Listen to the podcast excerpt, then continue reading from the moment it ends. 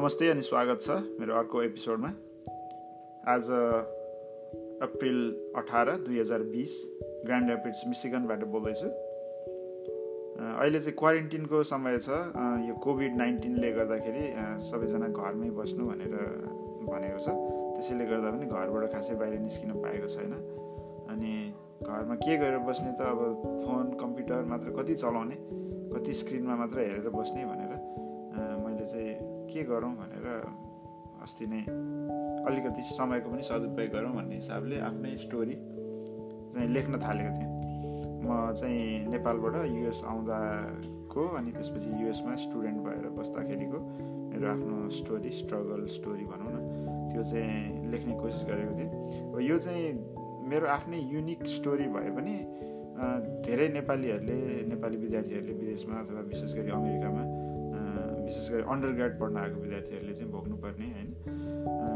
दुःख सुखहरूको कुरा चाहिँ लेख्ने कोसिस गरेको छु। यो अब धेरैजनासँग मेल खान पनि सक्छ। अब कतिपय अवस्थामा एउटा मेरो आफ्नै नौलो अनुभव पनि हुनसक्छ होइन?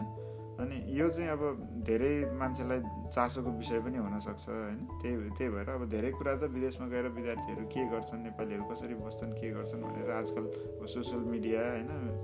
न्युज पेपरहरूले गर्दाखेरि जतासुकै अब सुनिन्छ तर पनि एउटा आफ्नो अनुभव चाहिँ एउटा सुरुदेखि अन्तिमसम्मको एउटा अनुभव चाहिँ सेयर गर्दाखेरि मान्छेहरूलाई चासो भएको मान्छेहरूलाई थाहा पनि हुन्छ होला। अनि त्यसबाट अब कस्तो कस्तो समस्याहरू झेल्नु पर्ने रहेछ अथवा कसरी चाहिँ होइन जितेर अगाडि बढ्न सकिन्छ यस्तो कुराहरू पनि सिक्ने मौका पनि पाइन्छ जस्तो लाग्यो। अनि अरू अरू धेरै कुरा नगरिकन अब मलाई चाहिँ आफ्नो स्टोरी म अब सेयर गर्न गइरहेको छु। त्यही हो मेरो यो चाहिँ एकदम पर्सनल स्टोरी भएको कारणले गर्दाखेरि अब यसमा नराम्रो कमेन्टहरू यस्तो नगरिदिनु होला होइन? आफ्नो पर्सनल कुराहरू अनलाइन सेयर गर्नलाई धेरै आँट पनि चाहिन्छ म कुनै मिडिया पर्सनालिटी अथवा सेलिब्रिटी त्यस्तो कुनै ठुलो मान्छे नभएको कारणले गर्दाखेरि यस्तो कुराहरूमा चाहिँ अलिक सेन्सिटिभ हुनुपर्ने हुन्छ। त्यति भन्दै अब चाहिँ म सुरु गर्न गइरहेको छु। अनि यो चाहिँ अब एउटै पार्टमा सकिँदैन होला सायद त्यही भएर म दुई तिनवटा पार्ट गरेर राख्नेछु ल फर्स्ट पार्ट रेड गोज दुई हजार पाँच अगस्त सत्रमा नेपाल छोडियो। प्लेनमा मेरो पहिलो यात्रा थियो। यसभन्दा अगाडि कहिल्यै डोमेस्टिक प्लेन पनि नचढेको म एकैचोटि जेटमा सवार गर्दै थिएँ। सानैदेखि घरबाट टाढा होस्टेलमा बस्ने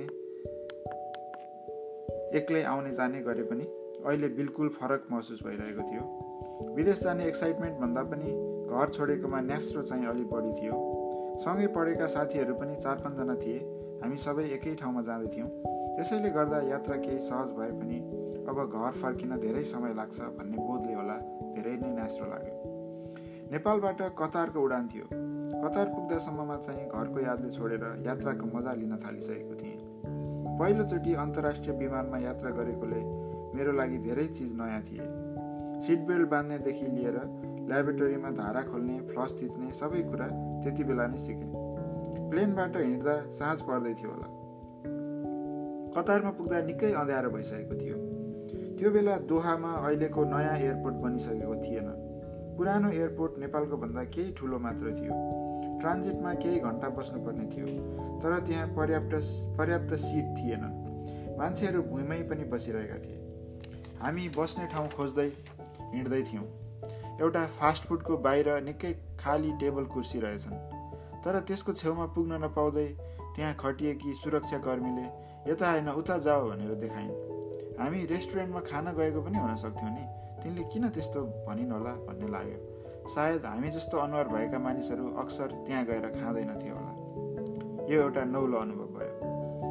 नेपालबाट ल्याएको स्याउ सुन्तला पानी आदि त्यतै बसेर खाइयो। प्लेनमै खाना खाएकोले खासै भोक लागेको त थिएन। त्यही पनि नेपालबाट धेरै कुरा बोकेर ल्याएकोले सक्नलाई भए पनि खाइयो केही घन्टा त्यहाँ बसेपछि लन्डनको यात्रा सुरु भयो। प्लेन चढ्नलाई बाहिर निस्किँदा तातो हावा आयो। रातिको समयमा पनि त्यस्तो तातो हावा मैले पहिलोचोटि महसुस गर्दै थिएँ। फरक ठाउँको फरक मौसमको त्यो अनुभव नौलो थियो। प्लेनको झ्यालबाट देखिने कतारको दृश्य मनमोहक थियो। रात्रिको समय भएकोले झिलिमिली थियो। लन्डनबाट हामी सँगै गएको एकजना साथीको यात्रा अर्कै प्लेनमा थियो। अन्तिम गन्तव्य एउटै भए पनि बाटो फरक फरक थियो। लन्डनको एयरपोर्ट निकै ठुलो थियो। हामी दुई ग्रुप भएर एयरपोर्टभित्रै एकछिन घुम्यौँ तर अर्को ग्रुपको साथीहरूलाई प्लेन चढ्ने बेला मात्र भेटियो। त्यस बेला स्मार्टफोन थिएनन् अहिले जस्तो भाइबर वाट्सएप थिएनन्। लन्डन छोड्दाको दृश्य पनि आकर्षक लाग्यो। ग्याटविक एयरपोर्ट छोड्दा हरियाली अनि सानातिना डाँडा काँडा फाँटहरू थिए। मैले निकै बेर झ्यालबाट बाहिर हेरिरहेँ। लन्डन पछिको गन्तव्य क्लिभल्यान्ड ओहायो थियो। क्लिभल्यान्डमा इमिग्रेसन र भन्सार चेक गर्नुपर्ने रहेछ। इमिग्रेसनको फर्ममा के के सामान ल्याएको छ भनेर भर्नुपर्ने रहेछ। खानेकुरा पनि ल्याएको भए भन्सार जाँच्न पठाउँदो रहेछ। नेपालबाट ल्याएको स्याउ सुन्तला बाँकी थियो त्यहीँ फालिदियो। साह्रै माया लाग्यो। थाहा भएको भए त अघि नै खाएर सक्थेँ नि भन्ने लाग्यो। वास्तवमा फलफुलको भन्दा पनि नेपालबाट माया गरेर हालिदिएकोले त्यस्तो लागेको थियो। सुटकेसमा चाहिँ एक कार्टुन चाउचाउ थियो। त्यो चाहिँ हेरेर ल्याउन दियो। कस्टममा खोतल खातल पारेको झोलाहरू मिलाएर आफ्नो गेटतर्फ लागे। इमिग्रेसन कस्टम चेक गर्ने क्रममा साथीहरू कता कता परे त्यहाँबाट निस्किँदा म एक्लै थिएँ। समयको ख्यालै थिएन। हातमा लगाएको घडीमा नेपालकै समय थियो। गेट नम्बरको अक्षर र अङ्क पछ्याउँदै निकै बेर हिँडेपछि मात्र गेटमा पुग्यो। पल्लै छेउमा रहेछ। गेटमा पुग्दा साथीहरू कोही देखिन। त्यहाँको कर्मचारीले बोर्डिङ सकिसकेको जानकारी दिइन्। इमिग्रेसन र कस्टममा धेरै समय लागेकोले प्लेन छुटेछ। मलाई चाहिँ प्लेन छुटेको भन्दा पनि साथीहरू छुटेको चिन्ता थियो। उनीहरू त्यसै प्लेनमा गए कि उनीहरूको पनि प्लेन छुट्यो थाहा थिएन। हाम्रो गन्तव्य न्यासभिल टेनेसी थियो। त्यहाँ पुगेपछि हाम्रै कलेजमा पढ्ने नेपाली दाईहरूले लिन आउने कुरा थियो। मसँग उनीहरूको कुनै सम्पर्क नम्बर थिएन अथवा सम्पर्क गर्ने माध्यम थिएन। साथीहरूले नै सबै थोक मिलाएका थिए। सँगै जाने भएकोले मैले त्यसको आवश्यकता नै ठानिनँ। त्यसैले कलेजलाई पनि मैले लिन आउनुपर्छ भनेको थिइनँ। अहिले पछुतो लाग्यो। न फोन नम्बर थियो न अहिले जस्तो स्मार्टफोनको जमाना थियो एयरपोर्टमा फ्री वाइफाई थियो थिएन थाहा भएन। आफूसँग कम्प्युटर नभएकोले त्यसको चासो लिएन। सम्पर्क गर्ने कुनै सजिलो माध्यम थिएन। साथीहरू भेटिन्छन् होला भन्ने आश गरेँ। गेटकी कर्मचारीले अर्कै काउन्टरमा जान र आफ्नो नयाँ बोर्डिङ पास लिन भनिन्। त्यहाँ पुग्दा चार पाँच घन्टापछि अर्को प्लेनमा जाने कुरा थाहा भयो। एयरपोर्टमा धेरै बेर बस्नुपर्ने भएकोले खानाको लागि आठ डलरको भाउचर पनि दिइन्। हामी बेलुकातिर न्यासबिल पुग्ने स्केजुल थियो तर अब त राति मात्रै पुग्ने भयो। साथीहरू भेटिएनन् भने त आपत पर्छ होला भन्ने लाग्यो। त्यत्तिकैमा अरू नेपाली विद्यार्थीहरू पनि भेट भए।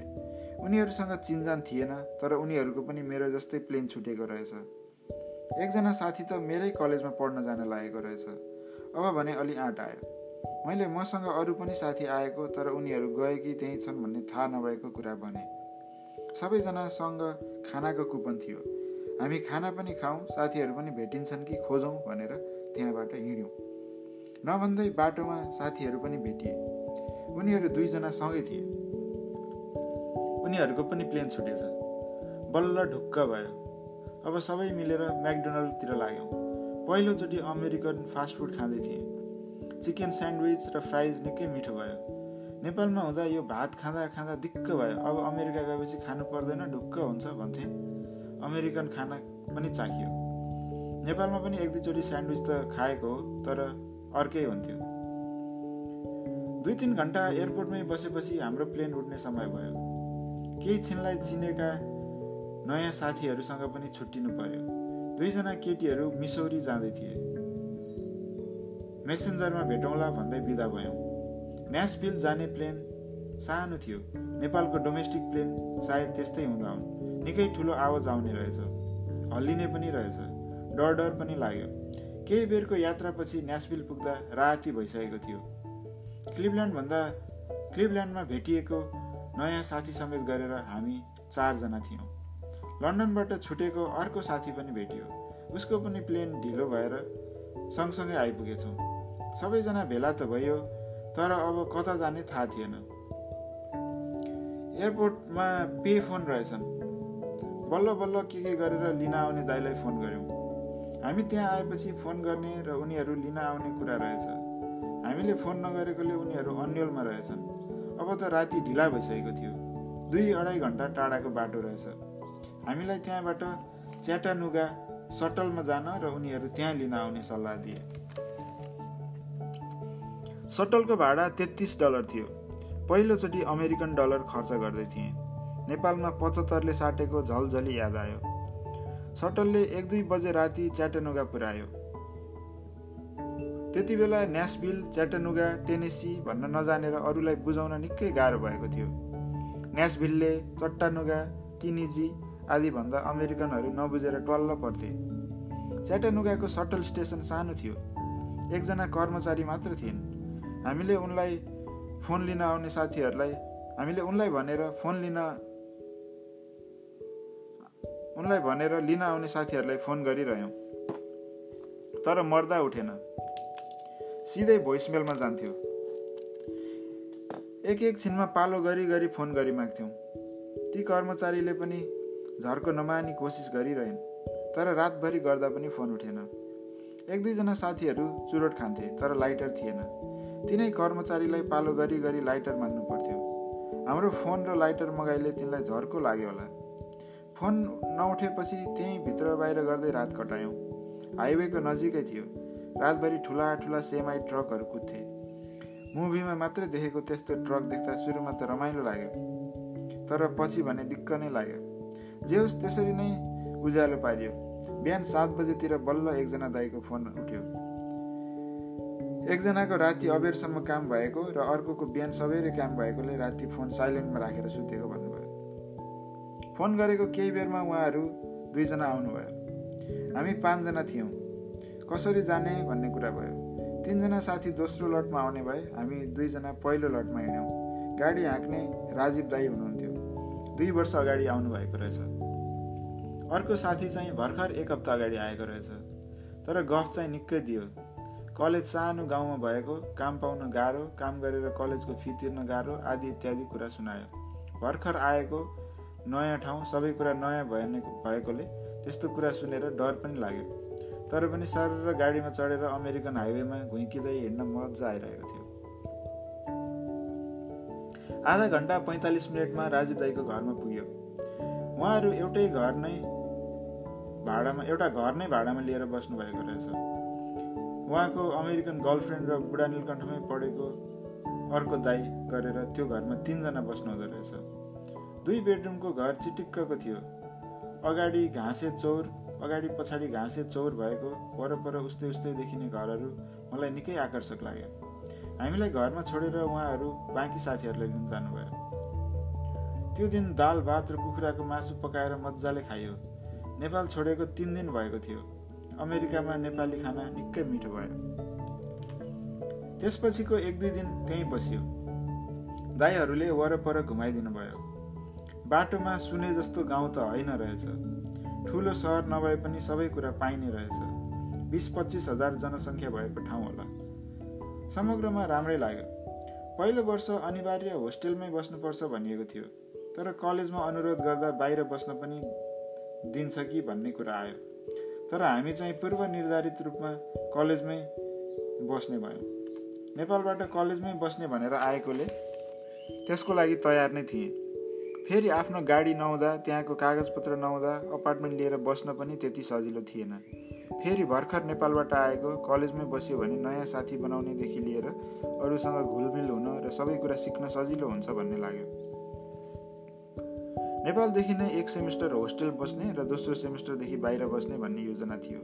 त्यसैले होस्टेलको लागि भनेर पच्चिस सय र बाँकी एक हजार डलर जति ल्याएको थिएँ। स्कलरसिप पाएकोले गर्दा कलेजको फी तिर्नु पर्दैन थियो। एक सेमिस्टरको फी तिरेर ब्ल्याङ्केट लगायतका सामानहरू किनेपछि त्यही हजार डलर जति पैसा बाँकी भयो। होस्टेलमा मेरो रुममेट एकजना कोरियन थियो। अरू साथीहरू वरिपरिको कोठामा थिए। क्रिस्चियन कलेज भएकोले धेरैजसो विद्यार्थीहरू धर्मात्मा थिए। भगवान्ले आएर आफूसँग कुरा गरेको भगवान्ले नै आफूलाई यो कलेज पढ्न आउन भनेको जस्ता कुराहरू गर्थे। सत्र अठार वर्षका उमेरका मान्छेहरू कुनै धर्मप्रति यति धेरै आस्था राखेको मैले कहिल्यै देखेको थिइनँ। अनौठो लाग्यो। तर अधिकांश विद्यार्थीहरू एकदमै मिलनसार थिए। बाटोमा भेट हुँदा जोसुकैले पनि हाई हेलो भनेर बोल्ने चलन हुँदो रहेछ। निकै रमाइलो लाग्यो।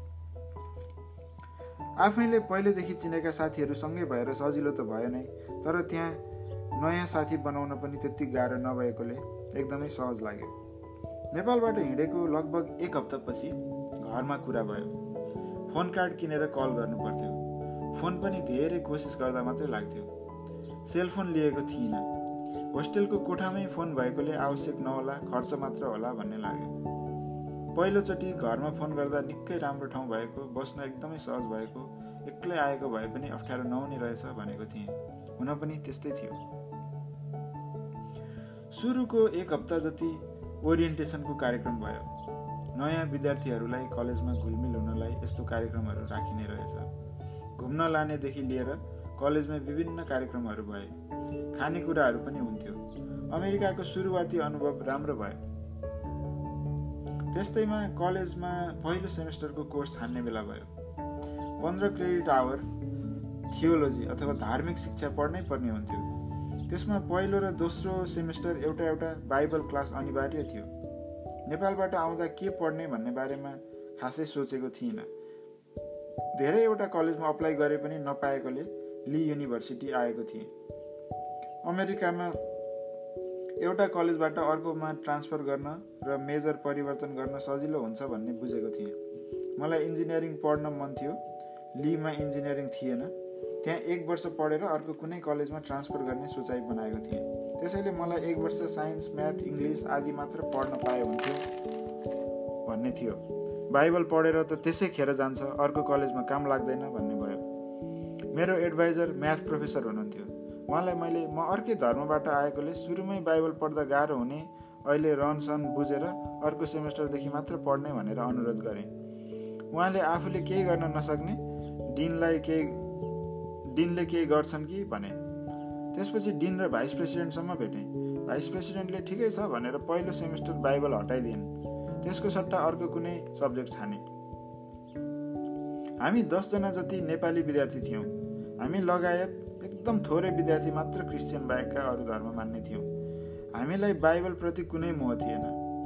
अझ धेरैको त मेरो जस्तै अन्य कलेजमा ट्रान्सफर गरेर जाने योजना थियो। बाइबल पढ्ने समय र पैसा अरू नै विषयमा लगाउँ भन्ने थियो। सबैले यो या त्यो बाना बनाउँदै बाइबल नपढ्न अनुरोध गर्दै थिए। आफूले भाइस प्रेसिडेन्टसम्मलाई अनुरोध गरेर पढ्नु नपरेको कुरा साथीहरूलाई सुनाए। कसले चाहिँ यो गएर कसैलाई चाहिँ पढ्दा पनि हुने नपढ्दा पनि हुने? कसैले चाहिँ किन पढ्नुपर्ने भन्ने खालको कुरा गरेछन्। कलेजमा बाइबलको विषय लिएर हामीले सोचेभन्दा धेरै हल्लाखल्ला भएछ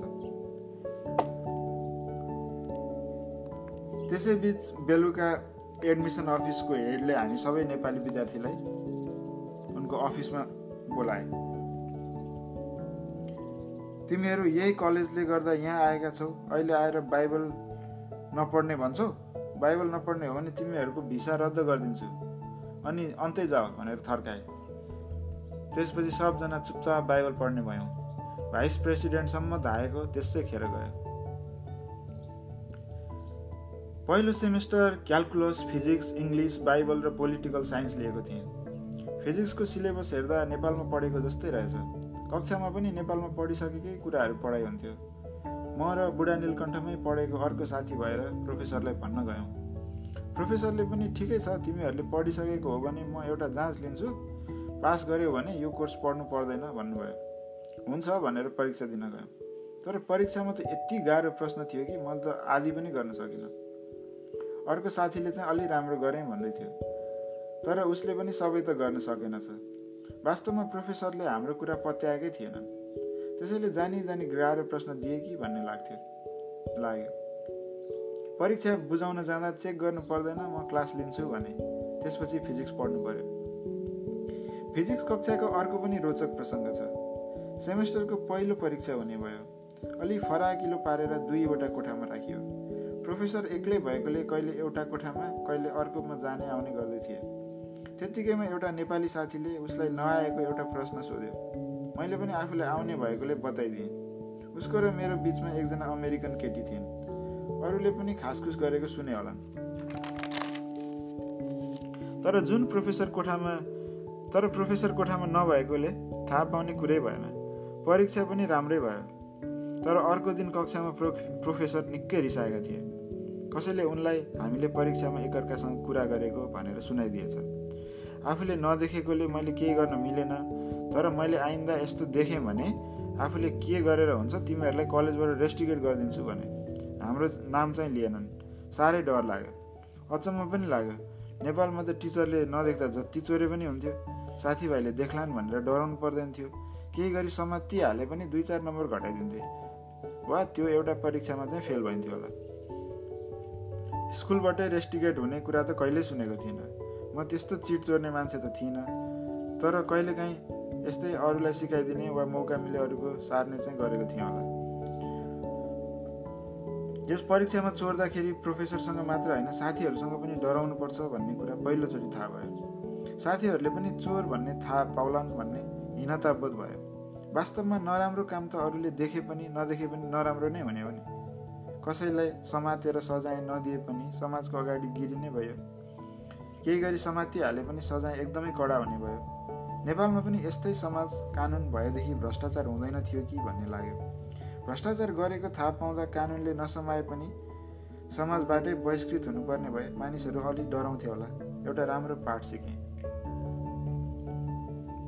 क्यालकुलस म्याथ कक्षाको पनि एउटा रोचक प्रसङ्ग छ। नेपालमा हुँदा ठुलो ठुलो हिसाब पनि दिमागमै गर्ने बानी थियो। कक्षामा प्रोफेसरले बोर्डमा हिसाब गर्थे। कुनै ठुलो जोड घटाउ गुणन भागा गर्नु पर्यो भने कोसँग क्यालकुलेटर छ भनेर विद्यार्थीहरूलाई सोध्थे। कसैले क्यालकुलेटरमा हिसाब गरेर भनिदिन्थे। त्यस्तैमा एक दिन एउटा इभन नम्बरलाई दुईले भाग गर्नुपर्ने भयो।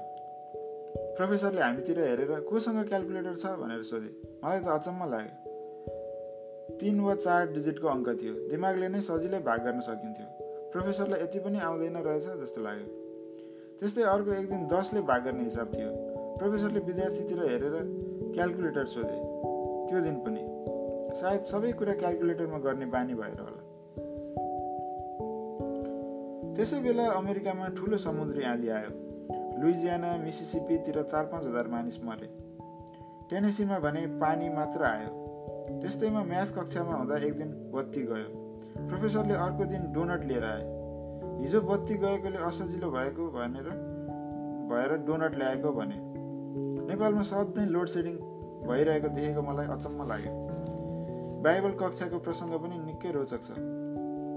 ओल्ड टेस्टामेन्ट र न्यू टेस्टामेन्ट मध्ये एउटा पढ्न पर्ने रहेछ। मैले न्यू टेस्टामेन्ट छानेको थिएँ। मेरो कक्षामा अर्को एकजना नेपाली साथी पनि थियो। न्यू टेस्टामेन्ट जिजस क्राइस्टको जन्मपछिका कथाहरू न्यू टेस्टामेन्टमा जिजस क्राइस्टको जन्मपछिका कथाहरू पर्ने रहेछन्। उहाँका विभिन्न अनुयायीले लेखेको पुस्तकको सङ्गालो रहेछ।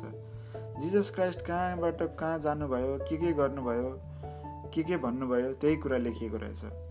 हामीले भने किताब नै पढ्नु पर्दैन थियो। कक्षामा पढाएको नोटको नोटकै आधारमा परीक्षाहरू हुन्थे। सजिलै थियो।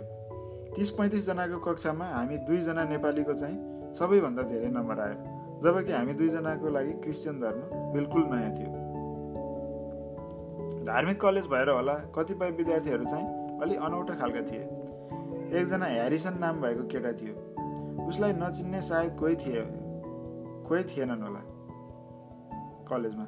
ऊ चाहिँ हरेक ठाउँमा ढोका समातेर उभिन्थ्यो। डाइनिङ हलमा गयो भने ढोका समातेर सबैलाई भित्र जान दिएर मात्र आफू भित्र जान्थ्यो। बाहिर निस्किँदा पनि त्यस्तै। अरू जुनसुकै ठाउँमा पनि त्यस्तै गर्थ्यो। अमेरिकामा धेरैजना सँगसँगै ढोकामा पुग्यो भने पहिला पुग्नेले ढोका खोलेर अरूलाई आफ्टर यु भन्दै अगाडि पठाउने शिष्टाचार त सबैतिर हुन्छ। तर एकजना मान्छेले सय दुई सय वा पाँच सय हजारजनालाई सबै काम छोडेर ढोका खोलेर बसेको चाहिँ त्यसपछि पनि कहिले देखेको छैन। कोही चाहिँ बाटोमा आम्ने सामने परियो भने जिजस लभ्स यु भन्दै हिँड्थे। कहिल्यै नचिनेको नबोलेको मान्छेले हेलो हाई भन्दा त रमाइलो नै लाग्थ्यो। तर यो जिजस लभ्स यु भन्दै हिँडेको चाहिँ त्यति मन पर्दैन थियो। बिना कुनै प्रसङ्ग त्यति मात्र भन्दा चाहिँ म अर्को धर्मको भएर त्यस्तो भनेको होला भन्ने लाग्थ्यो। अमेरिकामा नचिनेकै मान्छेलाई देख्दा पनि हेलो हाई हाउ यु? भन्ने चलन हुन्छ। अथवा आँखामा हेरेर मुसुक्क हाँसेर हिँड्ने चलन हुन्छ।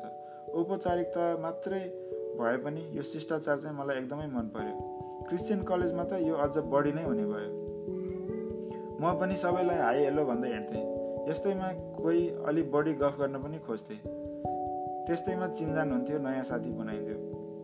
क्याफेटेरियामा खान जाँदा पनि can I can I sit here भनेर सोध्यो अनि जहाँसुकै बस्दा हुन्थ्यो। वास्तवमा यसरी सोद्धा अमेरिकनहरू नो भन्न चाहिँ सक्दैनन्। उनीहरूको हरेक कुरालाई सकारात्मक तरिकाले उत्तर दिने बानी हुन्छ। बिस्तारै बुझ्दै जाँदा यो त सब औपचारिकता मात्र हो भन्ने थाहा हुँदै जान्छ। यस बेला चाहिँ मलाई त्यति धेरै थाहा थिएन। एक दिन क्याफेटेरियामा एकजना केटीसँग बसेर खाँदै थिएँ। उनलाई पहिला पनि चिनेको थिएँ। उसको दाई पनि त्यही कलेजमा पढ्ने उसँग झन् राम्रो चिन्जान थियो। त्यो दिन कुरै कुरामा उसले मेरो धर्मको बारेमा सोधी। मैले पनि आफूलाई हिन्दू धर्ममा हुर्केको भनेर भने। आफू हिन्दू धर्ममा हुर्केको भनेर भने। कुराकानीकै क्रममा मैले जुनसुकै धर्म पनि एउटै हो जुनसुकै भगवान् पनि एकै हुन् हामी जुनै धर्म माने पनि बराबर हौँ भने। नेपालमा यस्तो सोचाइ एकदमै सम्मानित मानिन्थ्यो। हामीलाई स्कुलमा पनि यस्तै सिकाइन्थ्यो। तर मैले त्यसो भन्दा ऊ त रिसाई भगवान् एउटा मात्र हुन्छ। धर्म एउटा मात्र हुन्छ। पो भन्छ। क्रिस्चियन धर्ममा त्यस्तै सिकाएको हुँदो रहेछ। जिजसको फादर मात्र भगवान् अरू होइनन् भन्छे। मलाई पनि रिस उठेर आयो। म चाहिँ तेरो धर्मलाई सम्मान गरेर आफ्नो बराबर भन्ने। त चाहिँ मेरो धर्म केही होइन भन्ने। यस्तैमा निकै भनाभन भयो। त्यसपछि त्यो केटी मलाई देख्दा तर्किएर हिँड्थे भनाभन भन्दा पनि वाद विवाद भयो भनौँ न। त्यसपछि त्यो केटी मलाई देख्दा निकै तर्किएर हिँड्थे उसको दाई पनि त्यति खुलेर बोल्दैन थियो।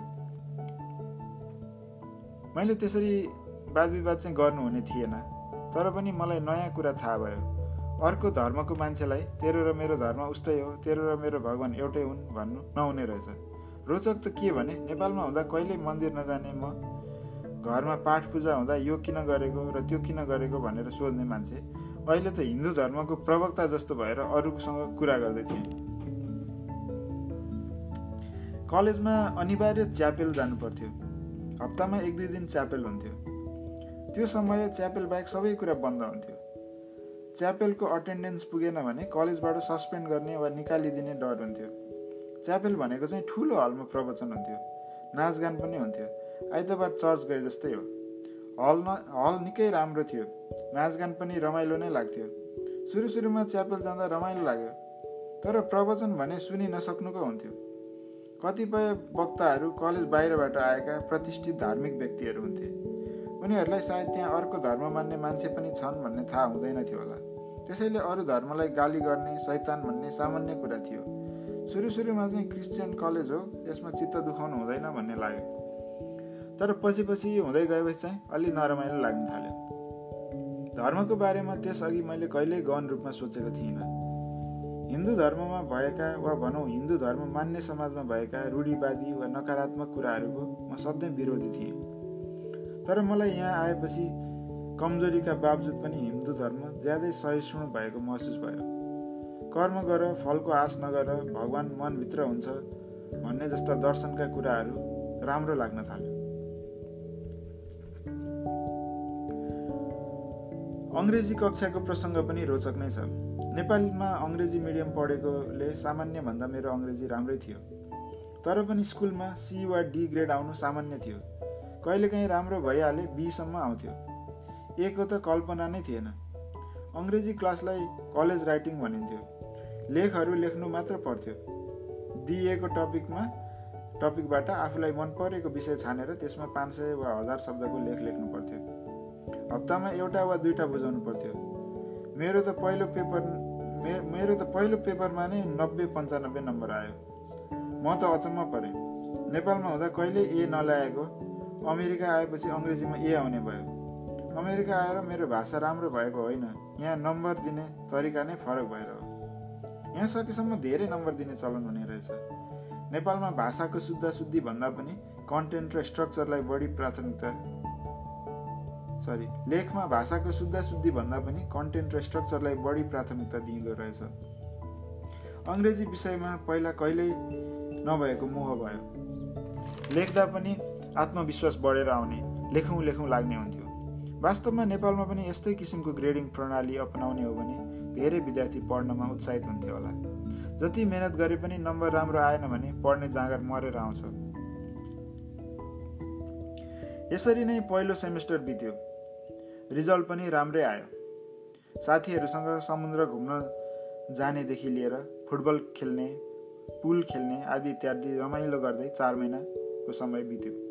सेमेस्टर सकिएपछि झन्नै एक महिनाको छुट्टी थियो। होस्टेल पनि छोड्नु पर्यो। दोस्रो सेमेस्टरदेखि बाहिरै बस्ने विचार गरियो। तर घरबाट ल्याएको पैसा त सकिन लागेको थियो। कलेजको फी तिर्न नपर्ने भए पनि बस्न खान त खर्च लाग्थ्यो। छुट्टीभरि त कलेज बाहिर अपार्टमेन्टमा बस्ने नेपाली साथीहरूसँग सुख दुःख बस्यो।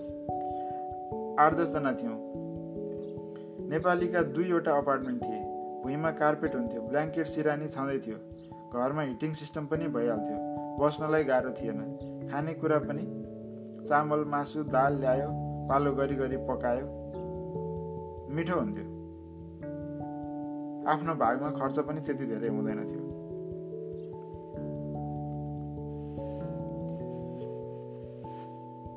यहाँसम्म सुन्नुभयो भने धन्यवाद।